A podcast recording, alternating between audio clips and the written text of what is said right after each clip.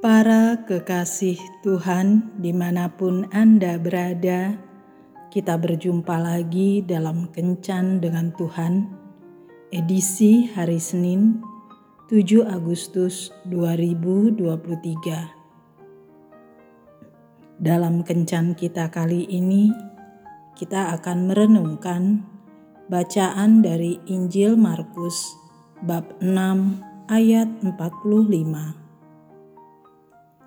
Ketika ia melihat betapa payahnya mereka mendayung karena angin sakal, maka kira-kira jam tiga malam ia datang kepada mereka berjalan di atas air. Bapak, ibu, dan saudara-saudara yang dikasihi Tuhan, suatu hari ada seorang bapak yang datang untuk minta didoakan. Ada kesesakan ketakutan, dan kekhawatiran yang mengikat dirinya. Ia merasa sangat takut tidak bisa membiayai ketiga anaknya dan istrinya, serta harus menghadapi sikap orang tuanya yang keras kepadanya. Ketakutan itu membuat dia tidak tenang bekerja. Dia merasa sudah bekerja semaksimal mungkin tetapi hasilnya tidak mencukupi untuk kebutuhan keluarganya. Para murid Yesus pun pernah merasakan ketakutan yang luar biasa ketika mereka di tengah Danau Galilea dan perahu mereka terombang-ambing karena gelombang dan angin sakal. Yesus pun melihat apa yang terjadi atas para muridnya. Maka ia datang hendak menolong para murid dengan berjalan di atas air.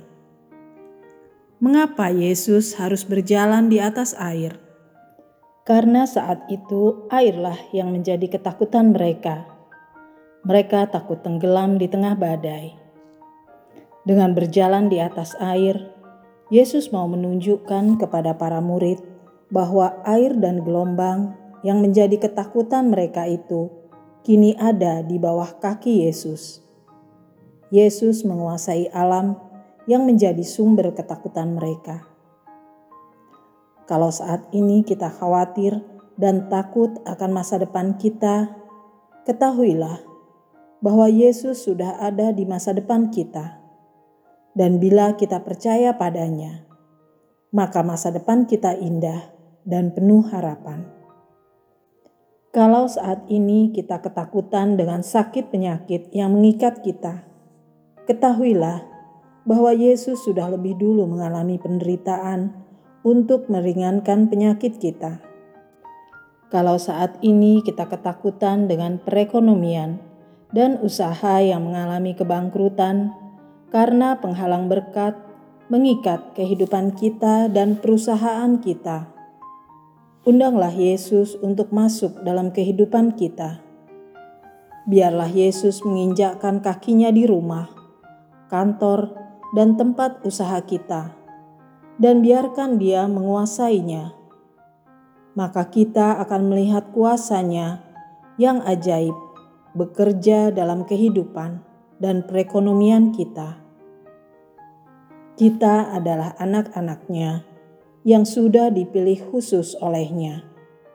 Maka kalau kita percaya dan berharap pada Yesus, hidup kita akan diberkati karena tidak pernah kulihat orang benar ditinggalkan atau anak cucunya meminta-minta roti.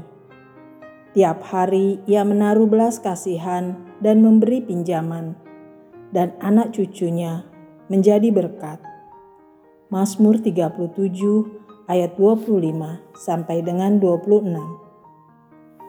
Saat ini tangan Yesus terbuka untuk kita ia siap menerima semua beban kita.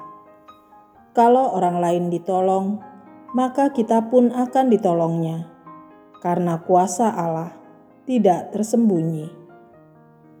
Yesus hanya perlu iman kita, maka selanjutnya Ia akan mengubah air mata ketakutan dan kekhawatiran kita menjadi permata yang sungguh berharga.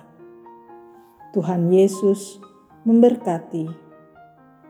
Marilah Kita berdoa. Tuhan Yesus, aku bersyukur karena punya Allah seperti Engkau. Engkau senantiasa ada untukku. Di tiap pergumulan hidupku, matamu tidak pernah lepas untuk melihat aku.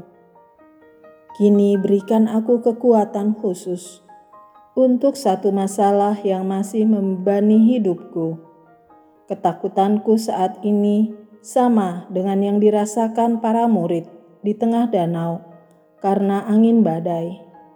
Berjalanlah bersamaku, Yesus, di atas masalahku, dan berilah ketenangan padaku, karena dalam ketenanganku, kuasamu dapat bekerja mengubah hidupku.